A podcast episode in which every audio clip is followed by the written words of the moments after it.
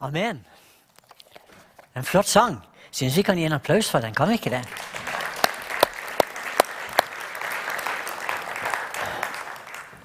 Hyggelig å se dere, alle sammen. Og jeg elsker det å se når, når menigheten kommer sammen, og barna som er her, og ungdommer som er her, og noen som ikke er ungdommer, som er her.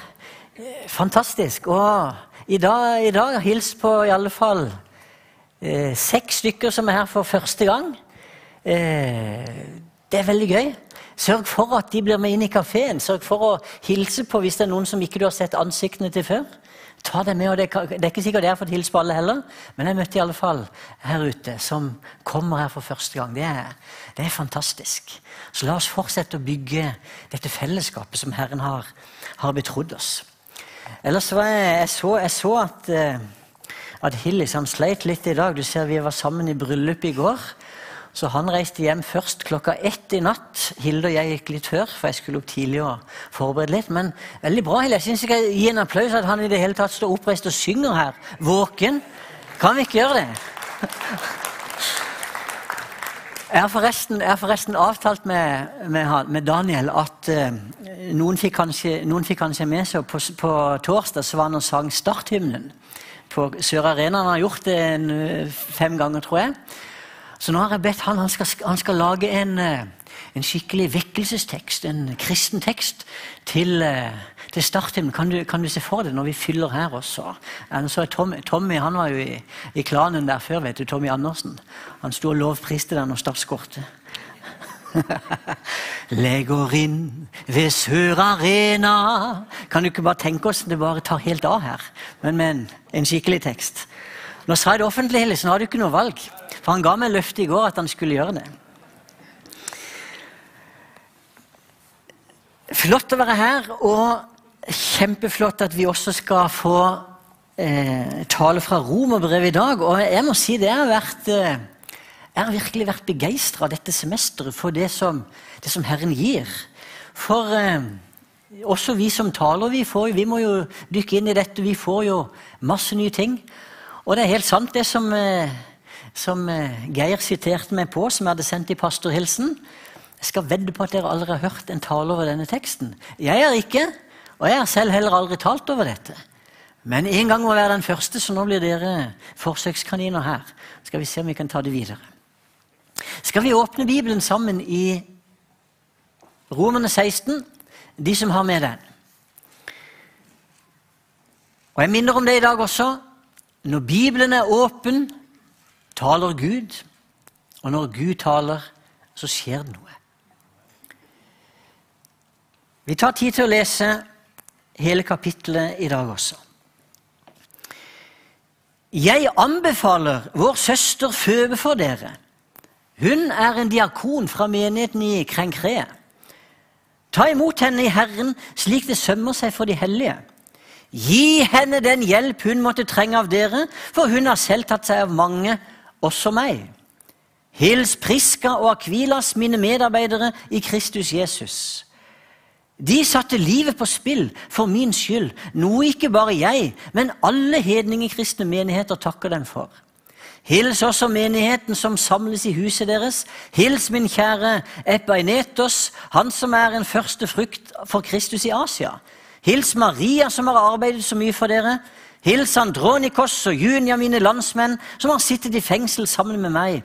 De har et godt navn blant apostlene og kom til tro på Kristus før meg. Hils Ampliatus, min kjære venn i Herren. Hils Urbanus, vår medarbeider i Kristus, og min kjære Stakus. Hils Apelles, som har stått sin prøve i Kristus. Hils alle hos Aristobolos. Hils min landsmann Herodion. Hils alle dem som hos Narkissos, som er i Herren. Hils Tryfena og Tryfosa, som arbeider hardt for Herren. Hils den kjære Persis, som har arbeidet så mye for Herren. Hils Rufus, Herrens utvalgte og hans mor. Hun har vært en mor også for meg. Hils Asynkritos, Flegon, Hermes, Patrobas, Hermas og våre søsken hos dem. Hils Filologos, Julia, Nerevs og hans søster, Olympas og alle de hellige som er sammen med dem. Hils hverandre med et hellig kyss.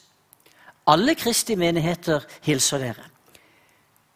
Jeg formaner dere søsken til å holde øye med dem som skaper splittelse og fører andre til fall ved å gå imot den lære som har tatt, dere har tatt imot. Hold dere unna dem. Den slags mennesker tjener ikke vår Herre Jesus Kristus, men sin egen mage. Med fine ord og talemåter forfører de mennesker som har et godtroende hjerte. Men alle har hørt om den lydighet dere viser, og derfor gleder jeg meg over dere. Jeg vil at dere skal være kloke i det gode, men enfoldige i det onde. Må fredens Gud snart knuse Satan under føttene deres. Vår Herre Jesu nåde være med dere. Timoteus, min medarbeider, og, min landsmann, og, og mine landsmenn Lukius, Jason og Sosipater hilser dere. Jeg, Tertius, som har skrevet ned brevet, hilser dere Herren. Gaius, som er vert for meg og hele menigheten, hilser dere. Erastos, byens regnskapsfører, og vår bror Kvartus hilser dere. Vår Herre Jesu Kristi nåde være med dere alle. Amen. Lovet være Gud, han som, er, han som har makt til å styrke dere med sitt evangelium, budskapet om Jesus Kristus, ut fra åpenbaringen av det mysterium som har vært skjult fra evige tider. Men som nå er kommet for dagen. Gjennom profetiske skrifter og etter den evige Guds befaling er dette mysteriet blitt kunngjort for alle folkeslag for å lede dem til lydig tro. Ham, den eneste vise Gud, være ære ved Jesus Kristus i evighet. Amen. Vi takker deg, Herre, for ditt ord, og vi takker deg for at det er kraft i alt ditt ord. Herre, vi ber om at du skal åpenbare Skriften for oss, sånn at vi skal få tak i hensikten med at også disse navnene er nevnt i ditt ord. At denne list, disse listene her, som Paulus skriver, Herre, la oss få tak i hensikten med ordet i Jesu Kristi navn. Amen.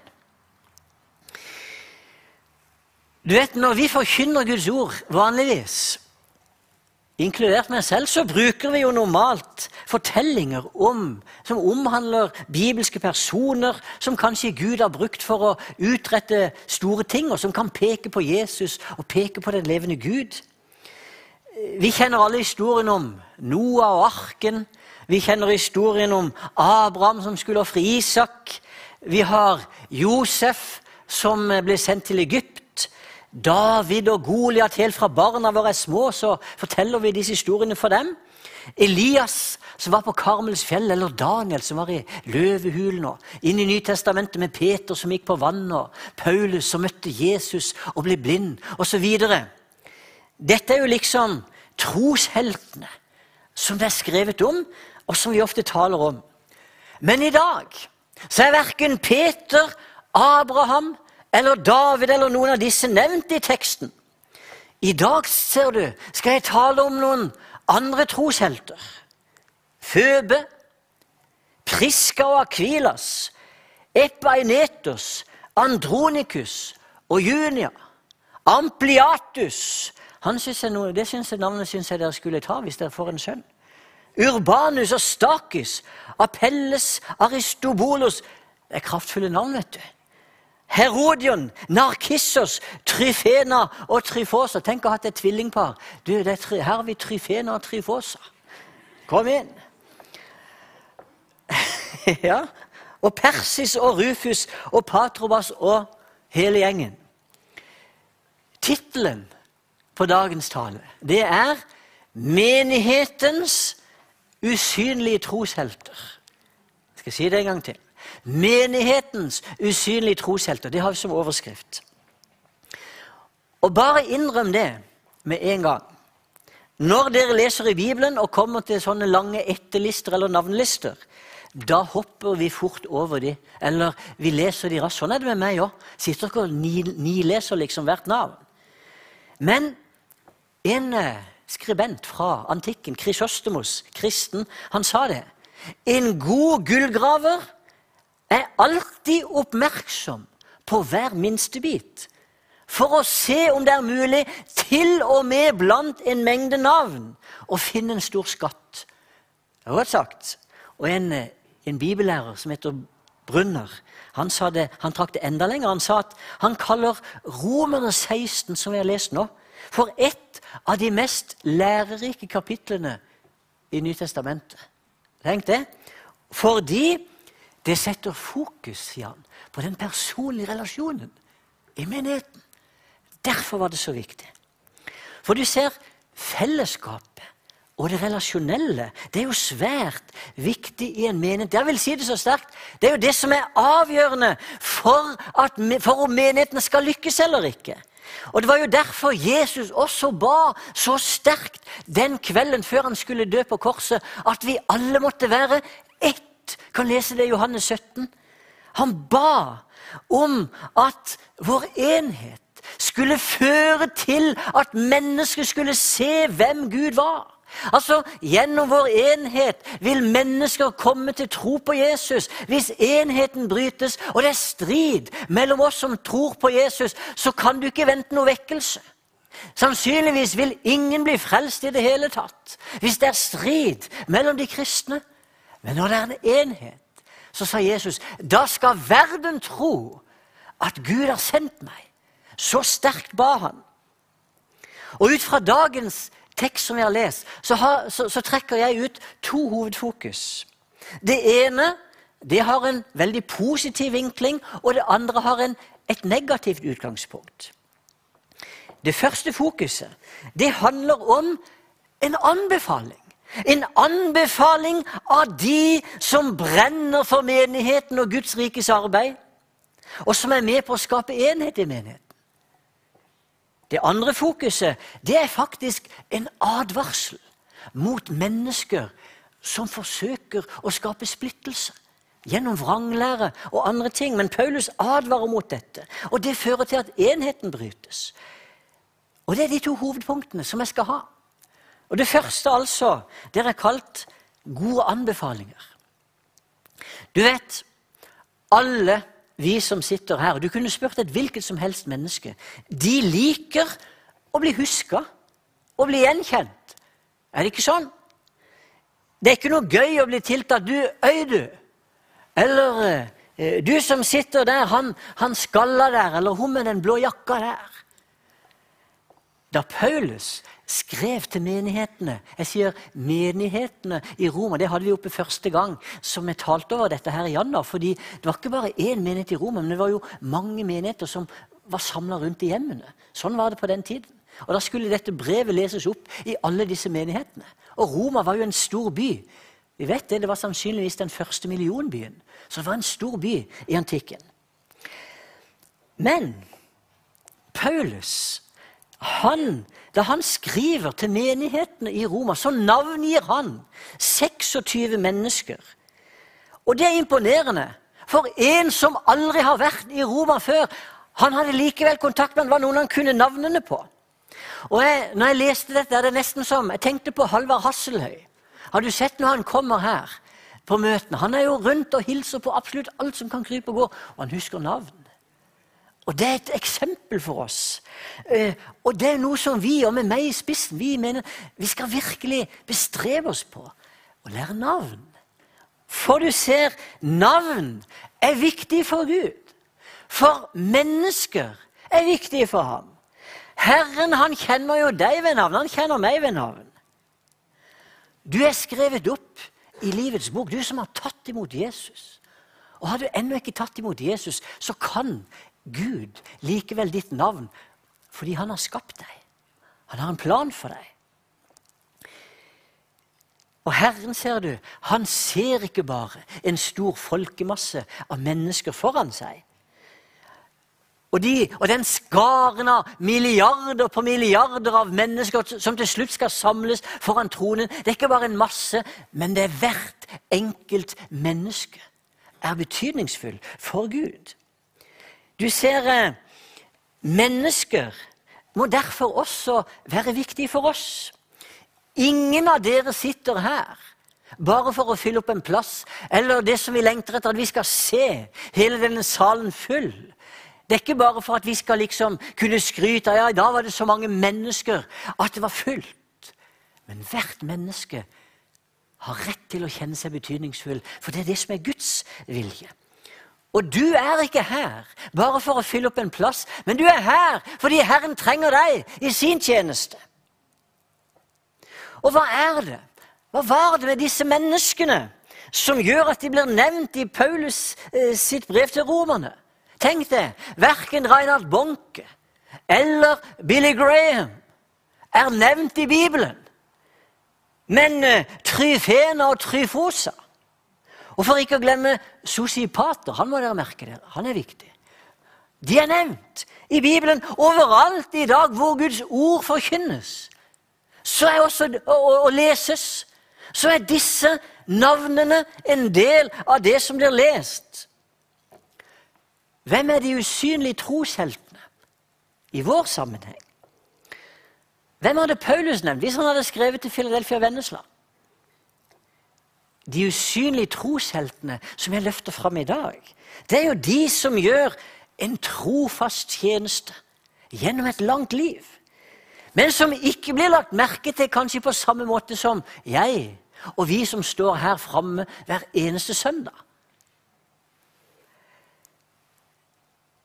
De usynlige trosheltene det er de som sender meldinger, som ringer, som besøker et menneske som de vet kanskje er i nød. Som de vet kanskje ikke får besøk av noen andre, men de har sendt en melding. Ingen vet om det, andre enn de som mottar meldingen, men Herren har sett.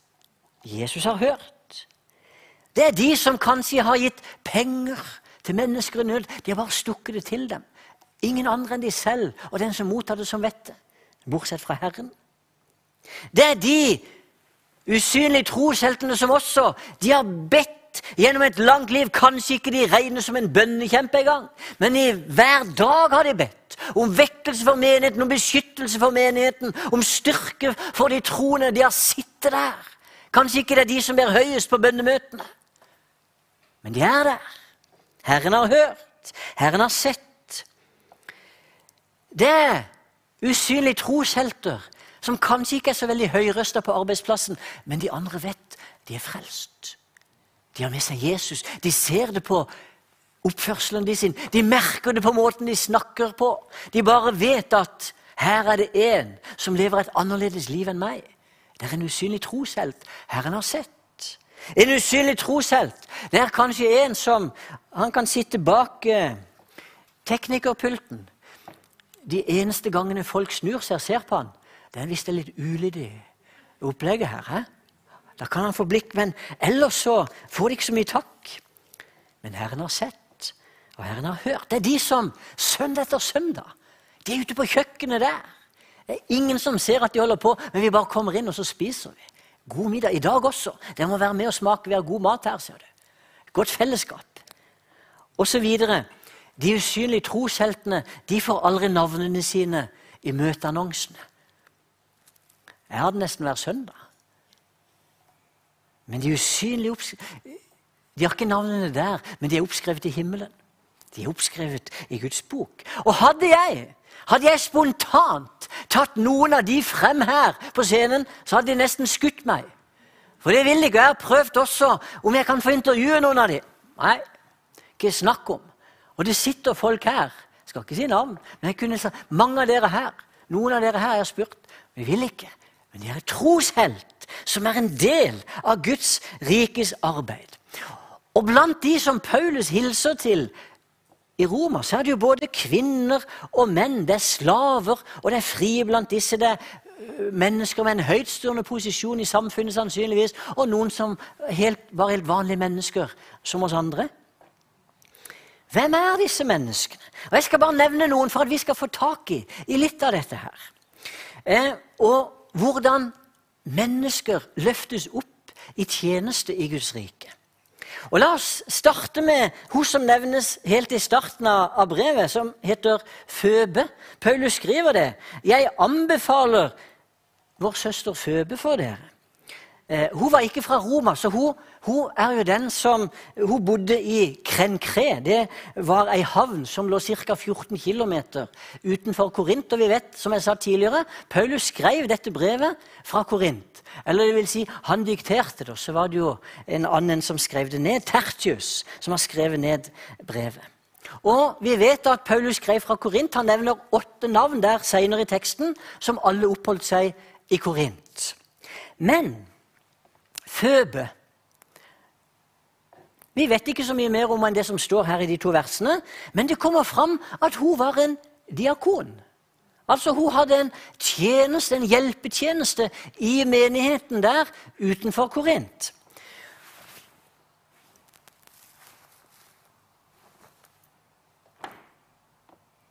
Sannsynligvis så var Føbe ei velstående forretningskvinne som hadde hjulpet mange mennesker, både med midler og det de trengte av omsorg ellers. Og Paulus også skriver han hadde også fått nyte godt av hennes hjelp. Kanskje hadde han bodd der. Vi vet ikke helt hvordan det hadde skjedd. Men det som jeg ville bare si, hvordan, hvordan det er tydelig at kvinnene også var en del av menigheten. Kvinnene også var en del av tjenestene inn i menigheten allerede på den tida.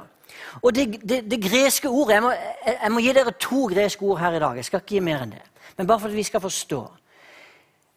Et gresk ord som beskrives her nei, for, å brukes, for å beskrive føbe, er prostatis. Det er i vers 2.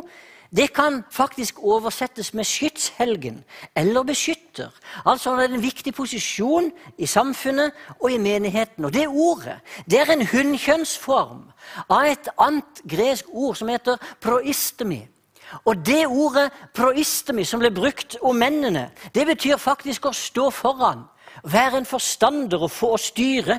Og det ble opprinnelig brukt om å lede en hæravdeling eller å delta i statsstyret. Og Det var en ansvarsstilling, og derfor så bruker faktisk Paulus det ordet også i andre sammenhenger om de som var menighetsledere, altså om, eh, om eh, forstandere, sånn som vi har kalt også. Det betyr ikke det betyr ikke at Føbe var en sånn forstander i menigheten. På ingen måte. For det hadde de ikke på den tiden. Men det betyr at hun Det sier noe om posisjonen som Paulus løfter henne i når han bruker det ordet. At hun hadde ansvar for sine ting med å hjelpe og styrke de kristne og andre som trengte hjelp. Og så er det altså at Paulus anbefaler henne fordi hun skulle reise med brevet til Roma som var skrevet. Og Sannsynligvis skulle hun på et forretningsoppdrag, og så skulle hun ta med seg dette brevet. Og så nevner han også her i Roma Pris, Priska og Akvillas, eller Priscilla og Akvillas brukes to navn om henne. De var dette ekteparet. Det er tydelig at de sammen leda en av disse husmenighetene, og at eh, Paulus hadde jo truffet de første gang i Korint. Når de kom der, fordi I år 49 så var keiser Claudus han hadde kommet med et påbud som sa at ingen jøder får være i Roma lenger, og så måtte de flykte. Og Så hadde han møtt de i Korint, men så døde denne her keiser Claudius i år 54. Så da Paulus skrev romerbrevet, så var de tilbake der, for det var i år 56 eller 57 etter Kristus. Og så hilser han til de og den menigheten som de leder. Det viser at kvinnene også løftes fram inn i tjenesten. De var ikke de som var menighetslederne, det var ikke de som var satt i de posisjonene, men de var med inn og tjente i viktige oppgaver sammen med eh, de andre mennene. Og så nevnes her, og det skal jeg si litt om, for det har det, har ofte vært litt spørsmål om med Andronikus og Junia. Det mener bibelfortolkere er et ektepar, siden de står sammen sånn. Og Junior, det har vært diskutert er det et mannenavn eller et kvinnenavn. Eh, der må vi anta at det er et kvinnenavn, fordi det, bru, altså det kan være begge deler, sånn som det står her i Bibelen. Men i og med at det aldri forekommer som kvinnenavn, nei, som mannsnavn noen andre steder, så kan vi være ganske sikre på at her er det navnet på ei dame som heter Junia, og ikke mannsversjonen av dette. Og Paulus sier, han sier fire ting om dem. Han sier at de er hans landsmenn. De har sittet i fengsel sammen med han. De har et godt navn blant apostlene. Og de kom til tro på Kristus før Paulus. Så de har hatt en anerkjent tjeneste, begge to. Og så er spørsmålet som mange stiller seg, hva betyr det at de har et godt navn blant apostlene? Betyr det at disse to var regna som apostler? Eller betyr det at apostlene de anerkjente tjenesten som disse gjorde. Er dere med? Kan forstås på begge måter. At de ble kalt apostler selv, eller at apostlene anerkjente dem. Men det som jeg må si her, og dette er kanskje litt sånn eh, på sida, men det er veldig viktig for oss i, i dag å få tak i dette. Når det er snakk om apostler, ordet apostel i Bibelen, så tror jeg at vi må være klar over at det kan brukes på forskjellige måter om forskjellige grupper. For det første det er én gruppe apostler som er i en særstilling. Og det er veldig viktig at vi alltid holder fast ved. Det er de som også omtales som de tolv. Når Paulus skriver til korintermenigheten, han ramser opp liste om de som hadde møtt Jesus etter oppstandelsen, så snakker han om de tolv, og så snakker han etterpå om alle apostlene. For du ser, apostel det kan også bety utsending. Og noen steder som apostel står, så er det ikke nødvendigvis sånn at vi trenger å oversette det med apostel, sånn som vi tenker om en lederskikkelse, men det kan også rett og slett bare bety en som er sendt ut for å vitne om Jesus. Og Paulus han skiller mellom de tolv, fordi det var en helt spesiell gruppe. De tolv som fikk i oppgave å være vitner om Jesu oppstandelse Inkludert Mattias. Judas forsvant ut, og så valgte de inn Mattias. Men disse tolv de har en særstilling som ingen kan rokke ved. Posisjonen sin denne blir også stadfesta ved I slutten av Bibelen så står det at navnene på lammets tolv apostler er på grunnsteinene til muren der i det nye Jerusalem.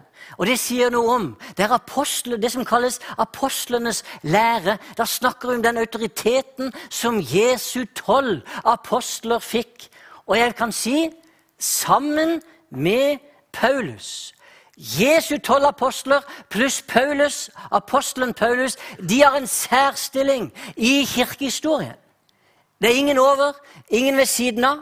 Fordi Paulus skriver selv hvordan han ble inkludert i dette, for han fikk i oppdrag å fullføre tjenesten med Guds ord.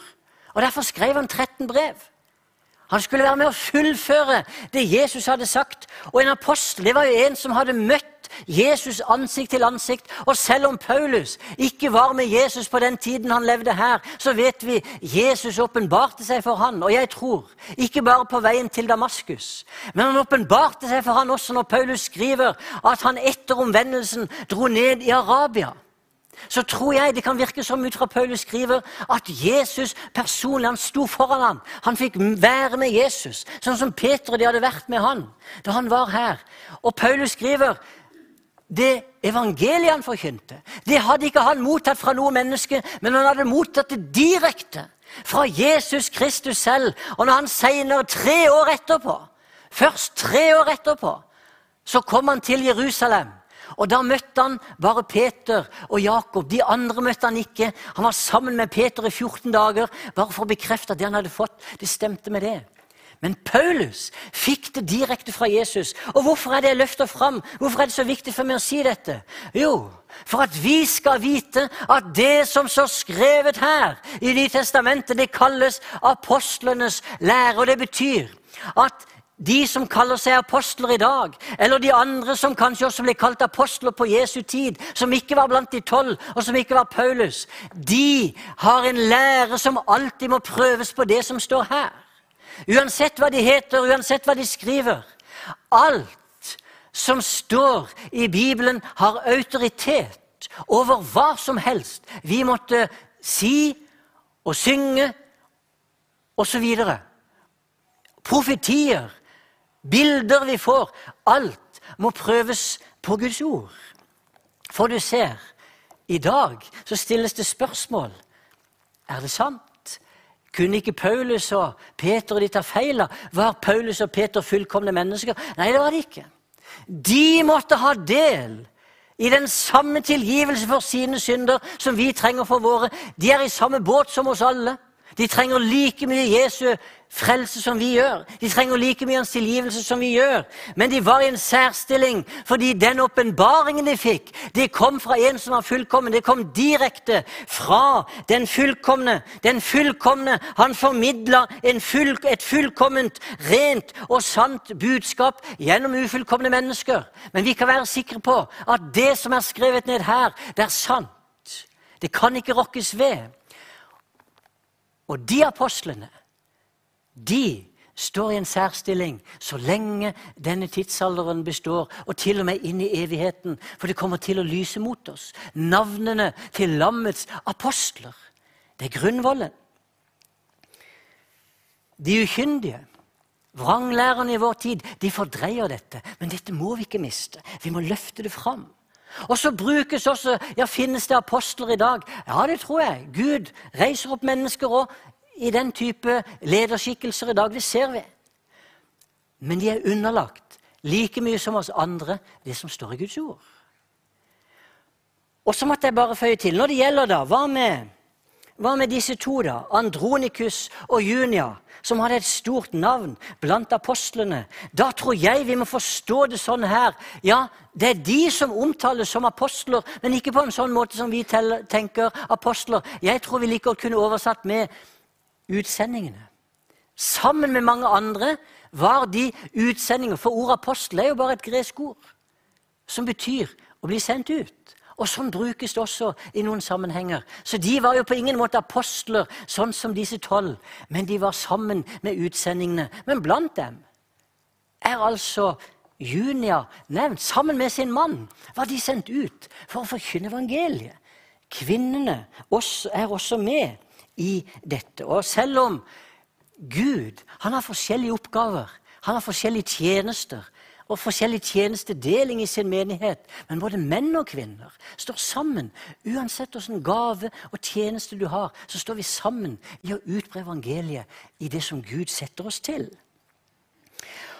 Og så er det i Rom mange forskjellige Vi skal, vi skal ikke ta alle her, men Rufus det er sannsynligvis sønnen til Simon fra Kyrene som bar Jesu kors. Markusevangeliet ble skrevet i Roma. Og Markus er den eneste som nevner Rufus og Aleksander i sitt evangelium. Så Rufus her var sannsynligvis sønnen til han som bar Jesu kors. Og så er det interessant at noen navn her, sånn som Ampliatus i vers 8, Urbanus i vers 9, Hermes i vers 14, Filologos og Julia i vers 15, det var vanlige slavenavn på den tiden. Du ser, i menigheten i Rom alle var inkludert. Det var egentlig helt hinsides, sånn som tanken var på den tiden. Men i menigheten så delte de ikke opp, men de hadde disse med. Og, og kanskje var noen av disse slavene blitt frie, men de hadde vært slaver i alle fall. For de har typiske navn som tilhørte slavene. Og vi har også embetsmenn som er nevnt. Aristobolos, som sannsynligvis var barnebarn til Herodes den store, som herska der på Jesu tid. Venn av keiser Claudius. Han var nok ikke selv frelst, men var mennesker i hans hus. Inn i disse hoffene som ble frelst. Det samme må vi si om Narkissos, som også hadde en stor innflytelse, var venn med keiseren. Kanskje var han ikke selv frelst, men mennesker i hans tjeneste og hus. De bodde jo der, tjenerskapene. De begynte å bli frelst. Og så hilser Paulus til de som bor der. Det sier hvordan evangeliet bredte seg ut. Og så kunne vi fortsatt og fortsatt å nevne dette. Men det som er poenget mitt med det første her, det er at det var overgitte mennesker. Det var mennesker som Paulus anbefalte. Og så avslutter han hele det lange avsnittet der med å si vers 16.: Hils hverandre med et hellig kyss. Folkens, dere skal være venner. Paulus sier ikke bare sånn at som jeg har talt om her før, ja, det er, det er greit at de kommer, men vi har ikke noe kontakt med dem. Det er greit at de sitter i det ene hjørnet der, men jeg kommer aldri til å invitere dem hjem. Jeg kommer ikke til å relatere til det. Det er greit vi er i samme rom. Men Paulus sier, gå og kyss dem. Kom an! Hils hverandre med hellig kyss. Og de sier, vi skal si det nå, i den første tiden vet vi ut fra historiske skrifter, til noen av disse tidlige kirkefedrene. De beretter det, hvordan bønnemøtene de hadde. det avslutta de alltid med å kysse hverandre. Når de hadde bedt heftig, så var det kyss på kinnene. da. Og det sier litt om hvor sterkt fellesskapet skal være, hvor viktig det er at det består. At det er de hellige kyssene, at det er den nærheten som trekker oss sammen, og at mennesker som kommer her, at de skal få kjenne et fellesskap som lever. Et fellesskap der det er kjærlighet. Et fellesskap der de kjenner seg tiltrukket av. For hvem vil være i et fellesskap der det er kaldt? Og mange mennesker som kommer til Philadelphia, de trenger jo virkelig det. At noen ser dem. De trenger jo virkelig å bli inkludert. Kanskje ikke de får så mange kyss ellers. Kanskje de er i en sammenheng der, der de er helt alene. Og de har behov for nærhet. De har behov for kjærlighet. Noen som ser det. Noen som kan sitte ned med dem. Og det er så viktig, vi som er par, vi som er familie og som har barn, at ikke bare vi klumper oss sammen, eller at vi bare er med de samme vennene våre. Og kan gjerne utfordre eh, gjort det før, men på nytt i dag. Når vi er i kafeen, se deg om. Se rundt at ingen sitter for seg selv. Folk som kommer her for første gang, sørg for at de som også kanskje kom alene her, som ikke kom med ektefellen sin, som ikke kom sammen med barna sine, eller barnebarna, som bare kommer akkurat som de er, sørg for at de får en del av et fellesskap. Ved bordet. Samtale. Kan være første skritt til å invitere hjem. Det er dette som det dreier seg om når vi snakker om, om fellesskap. Vi kunne jo lagt ut og lagt ut om dette. Men fellesskapet er så viktig, for det er der Jesus blir synlig. Det er gjennom dette fellesskapet at mennesker skal komme til tro på Jesus. Det er, noe, det, det er viktigere enn bare at vi er sammen her i dag. Og det andre jeg skal si, som vi også må ta med, og som Paulus er veldig tydelig på her, når han sier vers, fra vers 17, så sier han sånn jeg formaner dere søsken til å holde øye med dem som skaper splittelse og fører andre til fall, ved å gå imot den lære dere har tatt imot. Hold dere unna dem. Den slags mennesker tjener ikke vår Herre Jesus Kristus, men sin egen mage, med fine ord og talemåter forfører de mennesker som har et godtroende hjerte. Men alle har hørt om den lydighet dere viser, osv. Og, og så sier han dere skal være kloke i det gode, men enfoldige i det onde. Fellesskap er viktig, og derfor advarer Paulus mot det som kan ødelegge. For det første så advarer Paulus mot vranglærere. Han formaner altså de kristne i Roma dere må være observante. Vær på vakt mot de som skaper splittelse og fører andre til fall, ved å gå imot den læren dere har tatt imot. Og igjen, folkens apostlenes lære. Allerede på den tiden så eksisterte det vranglære. Eksisterer det i dag i høyeste grad. Altfor mye. Det har vært gjennom hele historien. Og Derfor er det viktig at vi må løfte fram den sunne læren om det som er rett og galt. Mange i dag som sier de tror på Jesus. De lever fortsatt i synd med sine liv. Det hjelper ikke bare å bekjenne med munnen at jeg tror på Jesus, hvis ikke livet mitt får konsekvenser, hvis ikke det får en følge hva som står i Guds ord. Og Paulus ber oss være, være obs på dem som forkynner noe annet, som lever på en annen måte. For du ser, troen på Jesus det er jo ikke bare en teoretisk bekjennelse, men det er jo en vilje til å leve etter det som er Hans ord. Og Derfor var det jo Jesus omtalte i den berømte lignelsen om, om husbyggeren. Var en som bygde på fjell, og det var en som bygde på sand. Og når stormen kom, så sto det på fjell, mens huset på sand det forsvant vekk i flommene der. Og Jesus sier, 'Den som hører disse mine ord og gjør etter dem', han er en klok mann som bygde huset på fjell. Han sa ikke 'den som hører mine ord', 'den som pugger mine ord', 'den som leser mitt ord'. Men han må gjøre det. Det er den kloke mannen. Og vi advares i dag mot vranglære. Og ikke bare at vi advares mot det som er, men Paulus han er radikal. Han skriver til og med at de skal holde seg unna. Hold dere unna dem, sier han.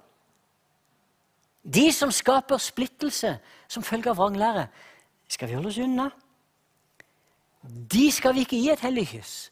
Ordet som brukes her, det betyr til og med du skal snu ryggen til dem. Og Det kan gjøres brutalt ut. Men det er så viktig at fellesskapet er menigheten. At ikke det blir ødelagt. Derfor er det han sier vi må holde oss unna dem som kommer med vranglære. Fordi den slags mennesker, sier han, de tjener ikke Kristus, men sin egen mage. Og Her tror jeg ikke Paulus snakker om det vi hadde for et par uker siden, når han snakka om eh, var noen i Roma som kunne spise alt, og noen kunne ikke spise visse slag kjøtt osv. Jeg tror ikke det er det det dreier seg om her, men det handler mer om de som tjener seg selv, de som er navlebeskuende. De som er opptatt av sine egne ting. De som, og kanskje også vil være opptatt av hva er det som, hva er det som klør i øret. Hvordan kan vi få noen ekstra tilhørere hvis vi tar vekk noen ting fra budskapet og ikke være så tydelige, så kanskje flere vil komme til menigheten? De har ikke, disse menneskene de har ikke det minste ønske om å være Kristi slave, sånn som Paulus skrev tidligere. Men de vil bare ha behag fra mennesker. Og de, vil, de blir navlebeskuende. Med fine ord og talemåter, sier Paulus, forfører de mennesker som har et godtroende hjerte, med fine ord og talemåter. Hvor mange budskap i dag blir ikke frembært på en sånn måte? Med fine ord. Og ordet Ordet for, for, talemåte her, det er egentlig ordet for velsignelse. Med fine ord og velsignelse. Å, vi velsigner alt. Vi velsigner det. Jeg skal si det nå. Vi kan jo ikke velsigne det som Gud ikke velsigner. For det første har det ingen effekt, men for det andre så blir det helt feil hvis jeg skulle stå opp her og tale velsignelse over noe som Gud ikke kan velsigne. Men disse menneskene som Paulus advarer mot, det er nettopp det de gjør. De velsigner. De snakker om kjærlighet i alle sammenhenger, om det som er godt. Og så burde de kalt menneskene til omvendelse for å komme inn i den virkelige kjærligheten. For å få del i den virkelige nåden. Det er et falskt evangelium som lyder hele tiden, og dessverre også denne dagen. Så lyder det et falskt evangelium fra mange av landets prekestoler. Hver eneste uke. Og mennesker blir forført, og de blir dratt inn i det. For det virker så bra. Det er kjærlighet. Det er velsignelse. Hvem vil ikke ha det? Hvem vil ikke ha velsignelse for alt du gjør, at ikke du slipper å ta oppgjør med noe som helst? Det er jo fantastisk. Men Gud, er han nådig? Det er han. Er han full av kjærlighet? Det er han. Ingen er så kjærlig som han. Men vi må komme inn gjennom omvendelsen, inn i nåden. Og så sier Paulus også i dette at vi skal vokse i modenhet. Vi skal være enfoldige. Vi skal være kloke i det gode, men enfoldige i det onde. Vi skal ikke vite hva det er å gjøre ondt, men vi skal være kloke når det gjelder det som er godt. Det er dette som vi dras inn i. Og når vi skal finne ut om en lære Eller jeg kan spørre sånn Hvordan kan vi finne ut om en lære er fra Gud og i samsvar med Skriften? Da tror jeg enkelt sagt det er tre, det tre testspørsmål. Det kan du stille når du hører meg tale, hvilken som helst tale. Tre testspørsmål. For det første er læren i samsvar med Skriften? Er det apostlenes lære det tales om? For det andre forherliger denne læren Jesus Kristus? Er det Jesus som kommer i sentrum? Eller er det vår egen mage? Er det vår egen navle? For det tredje fører læren, det vi forkynner, til noe godt. Forløser det noe godt iblant oss. Jesus sa vi skal kjennes på frukten. Er det i samsvar med Skriften? Forherliger det Jesus? Er det noe godt som kommer ut av det? Du ser, dessverre må jeg si, gjennom alle tider så har det alltid vært mennesker som skaper splittelse, også i den første kristne tid. Og Derfor var det Paulus han formante til å være obs, for de var en trussel mot enheten. Og vi finner dessverre mennesker i alle sammenhenger, i enhver menighet, Også i Philadelphia kan du finne mennesker av og til som skaper splittelse uten at de vet det, uten at de vil det, for ingen vil jo skape splittelse. Men med sine holdninger, med sin framferd, så kan mennesker komme i fare for å skape splittelse uten at de ønsker det, men de gjør det allikevel. Og kanskje, Jeg skal nevne noen konkrete eksempler. Og kanskje det kan provosere litt. Fordi kanskje noen vil kjenne seg igjen i beskrivelsene jeg nå skal gi. Hvordan skapes det splittelse inn i en menighet? La meg først si det sånn at egentlig så skulle vranglære være det eneste som skapte splittelse inn i verden i dag. For hvis det er vranglære, så må det bli splittelse. Skjønner du? Da har vi ikke noe valg. Vi kan ikke gå sammen med mennesker som bryter med Guds ord. Men så er det sånn at i menighetene våre så er det mange ganger noe helt annet enn vranglære som skaper splittelse. Og sånn skulle det ikke være. Men når kjøttet rår, så blir det også splittelse. Og de fleste Du kan bare se, du kan spørre mennesker som har gått ut av menigheter opp igjennom. Det er ikke nødvendigvis pga. vranglære. Det er det møtt veldig få som gjør. Noen gjør det hvis det er noen menigheter der de har, har innført dette. Men hvis du tenker i mange menigheter, så er det ikke vranglæren som gjør at de gikk ut, men det er rett og slett relasjoner til andre mennesker. Det er ting som har skjedd, som har blitt vondt. Og Jeg skal nevne noen eksempler. Det Paulus advarer mot, tror jeg også har å gjøre med dem som baksnakker. Ved å sette andre i et dårlig lys, ved å forsøke å skape partier og fraksjoner. Folk ringer til hverandre. De har hemmelige møter, eller de hvisker litt sånn i kroken. og Møtes noen familier hjemme av og til. Det er ikke bra. Bare snakker ned. Du ser, det som førte til djevelens synd, vet du hva det var? Når vi ser de uttrykkene som brukes der i Gammeltestamentet, i Esekiel 28 f.eks. Det som førte til hans fall, at han mista posisjonen i himmelen, gjorde opprør mot Gud først. Det står det han var god i handel. Og ikke handel sånn at han solgte noe i butikk, men han gikk rundt og forhandla. Han fikk med seg de andre englene, til slutt en tredjedel, som gjorde opprør mot Gud. De begynte der, i krokene, de begynte å snakke. Og, og, og, mange de vet ikke, de skjønner ikke hva de er med på. Men de bare lytter. ja, De får en telefon, de får en melding, så samles de. Og så, og så plutselig så er de i gang. Da er splittelsen i gang. Og dette advares vi mot. Noen som får et veldig negativt fokus, som de finner et eller annet å snakke ned. Uansett, det er aldri bra nok. Det bare begynner sånn. Og noen kan jo bruke også et åndelig språk. Det kan høres veldig rett ut. Det er jo ikke bra, det som skjer nå.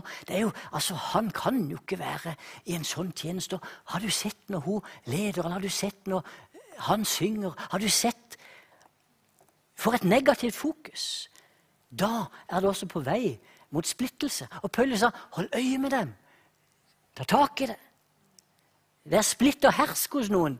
Og det kan skje på den måten. Jo, de, de roser veldig én, de roser veldig ei. Og sier ikke noe i det hele tatt til de andre, verken godt eller vondt. Det er splitt og hersk. Og så får de de som de roser, får de på lag. De er med. Å, da er det bra. Og så, og, så, og så, får de selv kanskje en posisjon gjennom rosen, mens andre de blir neglisjert. Det er splitt og hersk og så. Sånn skjer det i menighetene i dag, som Paulus advarer mot. Og det som vi utfordres til her til slutten Dere kan komme og gjøre dere klar, Johan. Vær obs. Vær obs. Og jeg har lyst til å si La ikke vi som er her Jeg ønsker ikke å være med på det. Og jeg tror ikke dere ønsker å være med på det. Blant dem som kommer inn i det med å skape splittelse. For det som jo er spørsmålet, er jeg villig til å hengi meg til et fellesskap? Vil jeg være med å bidra? Vil jeg sitte på tribunen og kritisere over hvor dårlig den kampen er, eller vil jeg være med og kjempe selv? Vil jeg være med? Og kanskje selv bli utsatt for kritikk. Men vil jeg være med? Og Jeg tror jeg har vært innom det her før, men jeg syns det er glimrende selv om ikke det er skrevet i en kristen sammenheng. Men da, da Nils Arne Eggen for noen år tilbake skrev boka si om godfoten, godfotteorien, som de kaller det Det er jo, det er jo, det er jo en glimrende eh, sak. Hvordan, for det første, kan den enkelte av oss bruke de gavene Gud har gitt? At vi skal spisse på det som vi er gode til. For en fotballspiller, da. Er du god med høyrefoten, så skulle han ikke øve mye med venstrefoten. Det har jo vært forskjellig fotballfilosofi, men Nils Arne Eggen han dyrka Du skulle dyrke det som du var god på. Jostein Flo hadde aldri kommet på landslaget hvis ikke det var for Egil Drill Olsen. He? To meter kjempe der oppe fra, fra Vestlandet uten teknikk. Men han, kunne hedde, han skulle hedde ballen ned i beina til de som kom på løp bakfra. Og Norge kom til VM med dette her. Godfoten. Men så handler det om en annen ting òg, som Nils Arne Eggen var tydelig på. Godfotteorien det handler også om hvordan kan jeg gjøre de andre gode. For en fotballspiller. Hvordan kan jeg spille den beste pasningen som setter min lagkamerat i den beste posisjonen, så han kan yte sitt beste? Hvor er det han vil ha ballen? Hvor er det han kommer på løp? Hvor vil din bror ha ballen? Hvordan kan du være med og løfte fram din søster, som gjør at hun blir bedre? Ikke baksnakk henne. Ikke kritisere henne, men hjelpe henne til å få den beste pasningen som gjør at hun eller han de bare kommer inn i tjenesten. Og igjen, jeg må si det i dag også, vi må lære å tåle hverandres ulikheter. La oss lære å tåle hverandre sånn som vi er. For ingen av oss som er her, vi ingen her, er plassfyll. Men det er jo vi som er det er vi som er teamet. Det er vi som er Jesu utvalgte. Det er vi som er på den, på den lista der, som Paulus skriver. La oss be om nåde til å tåle hverandre. Og Jeg har lyst til å bare lese til slutt før vi skal synge. Hør som Paulus skriver i Kolosserbrevet. Dere er Guds utvalgte, helliget og elsket av Ham. Kle dere derfor i inderlig medfølelse og vær gode, milde, ydmyke og tålmodige så dere bærer over med hverandre og tilgir hverandre hvis den ene har noe å bebreide den andre. Som Herren har tilgitt dere, skal dere tilgi hverandre. Og overalt dette kle dere kjærlighet, som er båndet som binder sammen og gjør fullkommen. La Kristi fred råde i hjertet, for til det ble dere kalt da dere ble en kropp. Og vær takknemlige. Herre Jesus, vi ber om at du må styrke oss i dette. Herre, vi ber om at vi virkelig skal få del i ditt sinnelag. La oss få del i det du formidler til oss, Jesus. Og jeg ber for både kvinner og menn og unge og gamle at vi skal virkelig kjenne at du reiser oss opp i denne tiden. At vi skal få glede oss over å tjene deg med de gavene som du har gitt og jeg ber om at kvinner og menn og alle sammen her, at vi virkelig skal få kjenne den velsignelsen det er å tjene deg i det som du setter oss. Ber vi om i Jesu Kristi navn. At ikke det skal være misunnelse, men at vi skal godta Jesus, det som du kaller oss til, i ditt hellige navn. Og jeg ber her om at du skal øse ut av din godhet av ditt nærvær, av din nåde her nå i slutten av dette møtet. I Jesu navn. Skal vi stå opp sammen og så skal vi prise Jesus. Og så takker vi også dere hjemmefra som har vært med oss i dag. Må Herren styrke og velsigne dere. Etter denne sangen går vi ut av sending, så skal vi fortsette å be her i dag. Skal vi prise Jesus.